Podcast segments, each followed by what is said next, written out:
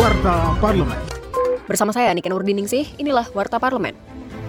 Anggota Tim Pengawas Haji DPR RI, Ade Reski Pratama, mengatakan rasio jumlah antara tenaga kesehatan di Klinik Kesehatan Haji Indonesia belum optimal jika dibandingkan dengan jumlah jemaah haji Indonesia yang mencapai 229 ribu orang. Ia menekankan agar pemerintah, khususnya Kementerian Agama, terus mengoptimalkan nakes agar tidak kewalahan dalam menangani pasien, mengingat ada beberapa peningkatan kasus penyakit yang diderita oleh jemaah haji, seperti penyakit diabetes, darah tinggi, dan demensia. Warta Parlemen. Dalam rapat dengar pendapat dengan Kementerian Hukum dan HAM baru-baru ini, anggota Komisi 3 DPR RI, Supriyansa, mempertanyakan pengawasan Dirjen Imigrasi Kementerian Hukum dan HAM terhadap penyalahgunaan visa turis oleh WNA ada memang kelihatan beberapa warga negara asing yang datang ke negara kita ini, terutama di beberapa daerah yang menonjol di Bali, melakukan tindakan-tindakan yang tidak semestinya. Bahkan ada yang mencari pekerjaan, uh, padahal mungkin awalnya datang ke Indonesia itu dengan visa turis. Tapi datang ke Indonesia, dia tinggal di sini. Mungkin sudah kehabisan atau tidak mau pulang karena dia senang tinggal di daerah kita, sehingga waktunya dia pulang, tidak pulang, sehingga dia tinggal, lalu visa turis menjadi tinggal di situ.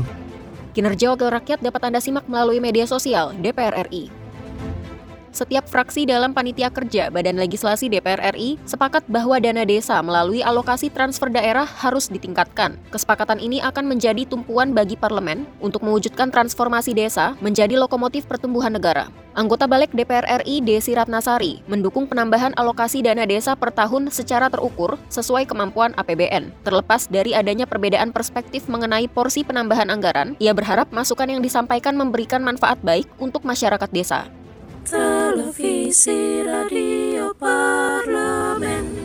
Demikian Warta Parlemen, Produksi Televisi dan Radio Parlemen, Biro Pemberitaan Parlemen, Setjen DPR RI.